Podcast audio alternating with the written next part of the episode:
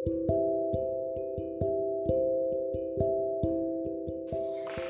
jeng jeng jeng jeng. Halo selamat datang di podcast gue. Tapi sebelum itu gue biasalah kita awal dengan assalamualaikum warahmatullahi wabarakatuh. Akhirnya gue bisa buat podcast untuk pertama kali ya. Rasanya tuh keren banget. Bangga lah bisa ber, bisa berkarya kayak gini. Sebelumnya emang ini cita-cita gue banget suka sharing suka berbagi. Ya meskipun hanya cuman kata-kata sama suara tapi itu udah keren banget bagi gue. Senang rasanya. Uh, sebelum itu gue mau kenalin dulu diri gue. Gue Idris Abdul Aziz baru lulusan SMK ya kerja serabutan lah belum jelas. Tapi gue suka banget berkarya gue nggak bakal tinggal diem meskipun gue lagi nganggur meskipun gue lagi pengaplongo gue tetap berkarya membuat ide, dan selalu membagikan hal-hal positif kepada khayalak. Nah hari ini nih gue mau sharing tentang hal-hal yang udah banget sering kita lakuin atau hal-hal yang sering banget kita rasakan yaitu saat dibenci orang.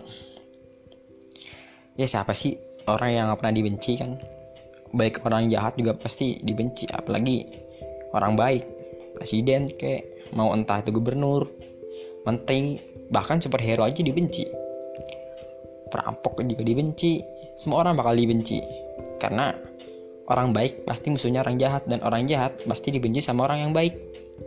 Nggak tahu gimana kitanya. Tapi sebelum masuk ke itu gue mau sedikit sharing atau cerita tentang rasanya orang yang ngebenci dari seorang penulis terkenal.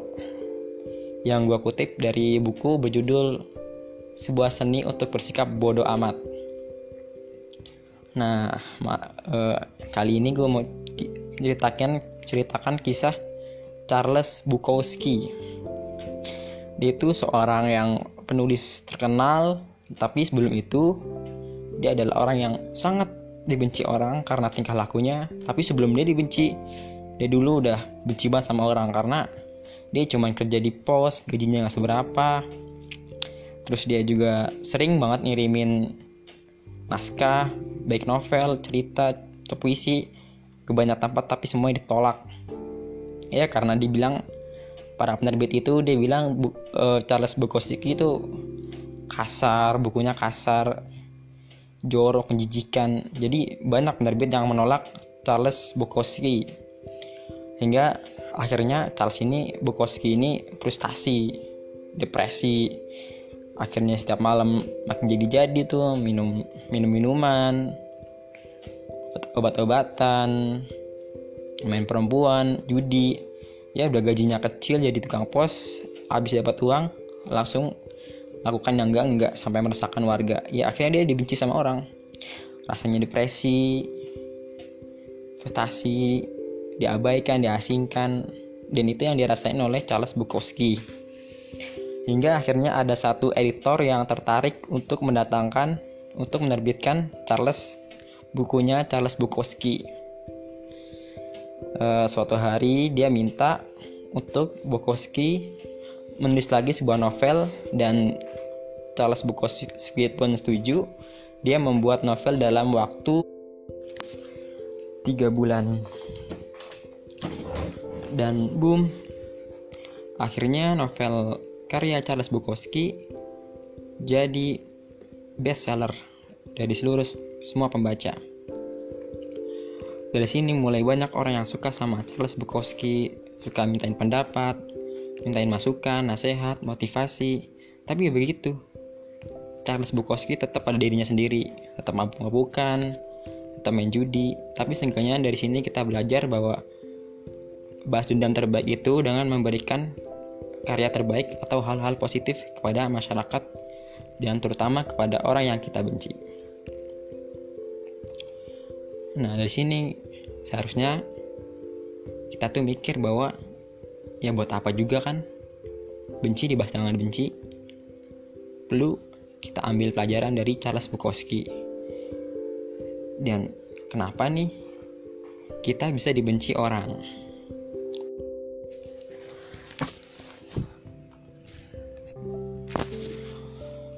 Nah menurut gue itu ada dua penyebabnya bro. Pertama ya karena memang kita benci sama orang itu. Kayak contohnya dari gue kecil gue benci banget sama semua orang. Punya ada banyak kisah lah. Dan kedua itu karena ada yang istimewa dalam diri lo dalam hidup lo. Jadi kenapa ada orang yang bisa benci sama kita? Pertama memang karena lo benci sama semua orang lo benci sama orang tertentu sehingga dia juga benci sama lo dan kedua karena ada yang istimewa dalam hidup lo jadi gitu bro. Yang pertama itu gue bahas dulu ya. Kenapa orang bisa benci sama kita? Karena kita benci sama mereka. Dulu waktu gue kecil ya masih ingusan lah. Ada umur kali 3 sampai 4 tahun dulu gue ditinggal sama orang tua gue maksudnya tinggal bukan, bukan tinggal almarhum ya. Gue ditinggal di kampung dan dititipin sama ibu bapak gue atau pak ade gue yang sekarang udah gue anggap ibu bapak gue gue tinggal di kampung dan dirawat oleh mereka. Ya meskipun gue bukan anak kandung mereka tapi mereka baik banget tapi sini mulai timbul tuh mulai timbul rasa kecewa itu saat kita diperlakukan tidak adil.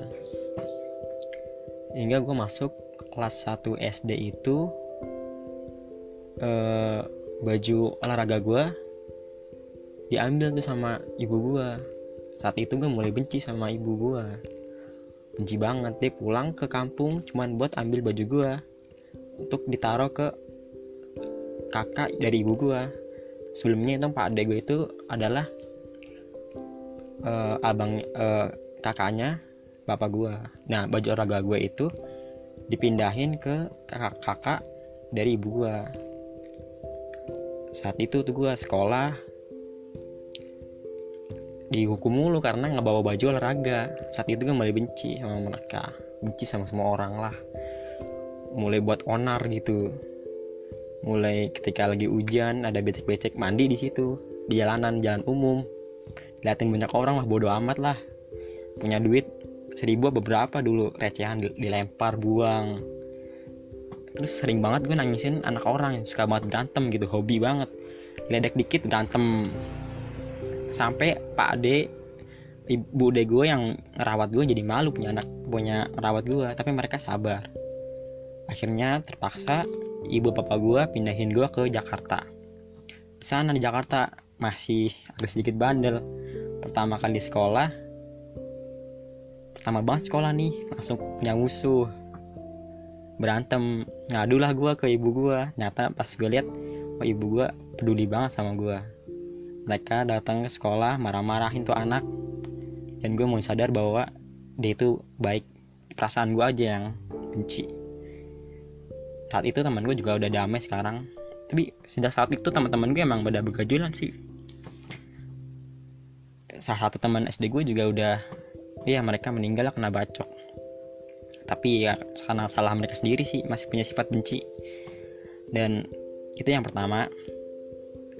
Karena kita benci sama orang sehingga orang tersebut yang kita rasakan mereka itu benci sama kita.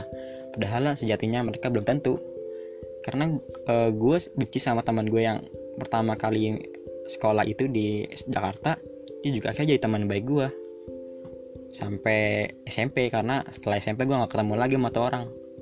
Dan yang kedua itu karena ada yang istimewa dalam hidup lo cuman banyak banget orang yang man, yang salah mempergunakan istimewaan hidupnya gitu ketika kita dapat mobil baru kita langsung foto ke upload ke media pamer-pamerin itu pastilah timbul rasa wah ini orang apa sih pamer-pamer gitu? Ini orang apa sih? Sombong amat. Ini orang ya bla bla bla bla lah. Makanya gue saranin kalau kita dapat sesuatu ya kita kasih tahu aja ke orang-orang yang menurut kita dia peduli sama kita. Ya eh, kita bagikan ke orang yang teman kita kayak deket banget ke abang kita. Dan juga ini juga jangan terlalu vulgar. Batasin kalau mau mempost sesuatu yang lo suka. Sebelumnya juga ini ada kisah tuh dari Nabi Yusuf aja dulu dapat mimpi yang bagus tapi kata ayahnya udah kamu sembunyikan jangan kasih tahu ke saudara-saudara kamu sebelumnya dia uh, Yusuf Nabi Yusuf itu dia mimpi matahari dan bulan dan sebelas bintang bersujud kepada Nabi Yusuf. Tapi pada saat dia bilang ke bapaknya bapaknya bilang udah kamu sembunyikan aja. Jangan sampai uh, kakak dan saudara-saudaramu itu tahu. Karena kalau mereka tahu mereka akan timbul rasa dengki. Makanya begitu. Kenapa ada orang yang benci sama lo karena mungkin lo pamerin kelebihan lo gitu lo pamerin apa yang lo bangga banggakan sehingga mereka timbul rasa dengki. Gitu bro. Makanya hati-hati di dunia di dunia itu nggak aman. Kalau lo punya harta terus lo taruh di lemari lo kunci rapat-rapat lo pamerin kuncinya sama aja bodong. Tipu-tipu itu itu menghasut ada mancing buat orang benci sama lu. Tahan diri lah. Dan terus bahasan cara gimana ngadepin orang yang benci sama kita. Gue inget banget tuh apa kata Om Deddy Corbuzier. Apa ya? Dia bilang kalau ada orang yang benci sama lu anggap aja dia itu ampas. Semakin dia kritik lu semakin dia nunjukin kebenciannya itu lama-lama seperti panci gosong deh biarin aja tinggal dibuang aja udah cuekin aja. Yang penting lo tetap berkarya gitu. tetap melakukan apa yang lo suka hal-hal yang menurut lo positif.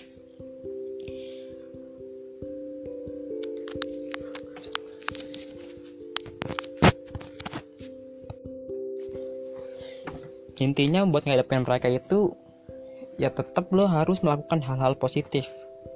Kayak Charles Bukowski permalukan dia dengan hal-hal yang lo suka. Hal-hal yang buat lo jadi sukses gitu. Nanti mereka mungkin sekarang mereka benci tapi ketika dia lihat lo berhasil mereka akan minta pendapat bro gimana sih begini begini bro? Kok lo bisa sukses ini bro? Masukin dua kerjaan ke begini dong. Bro masukin dua ke begini dong. Bro nasihatin gue lah begitu permalukan dia dengan hal yang baik. Sehingga dengan sendirinya mereka akan ngemis-ngemis ke lu gitu. Ya pokoknya saat ada orang yang benci sama lu anggap aja lah itu perasaan lo aja. Sebenarnya dia tuh baik cuman lo nggak tahu aja. Prasangka positif aja positive thinking. Thinking positif positive thinking. Berpikir secara positif. Mungkin dia lagi sableng kan tetap aja positive thinking. Mungkin dia lagi stres. Karena banyak orang yang mereka benci karena kita karena kita nggak tahu kondisi mereka itu seperti apa. Jadi kita perasaan kabur wah ini orang benci sama gua nih. Padahal intinya mereka mah ya cuman ingin diperhatiin sama lu aja. Soalnya banyak tuh belajar dari sinetron FTV mereka benci benci eh, itu eh, ujung-ujungnya kawin. Kan apalah gitu kan. Tapi bisa jadi itu bener. Awal kita benci lama-lama kita naksiri itu. Cuman ini nggak berlaku buat cowok ke cowok ya kalau cowok benci sama cowok mah itu mah lain cerita. Jadi ya kesimpulan gue hari ini gitu aja. Ada intinya permalukan mereka dengan cara yang baik. Dan mungkin rasa benci dia ke kita itu cuman perasaan kita aja. Karena kita berasa nggak buruk sama mereka. Tapi kalau kita membalas mereka dengan kebaikan mereka akan mereka akan madu dengan sendirinya. So jangan suka dibenci orang karena lo bukan joker.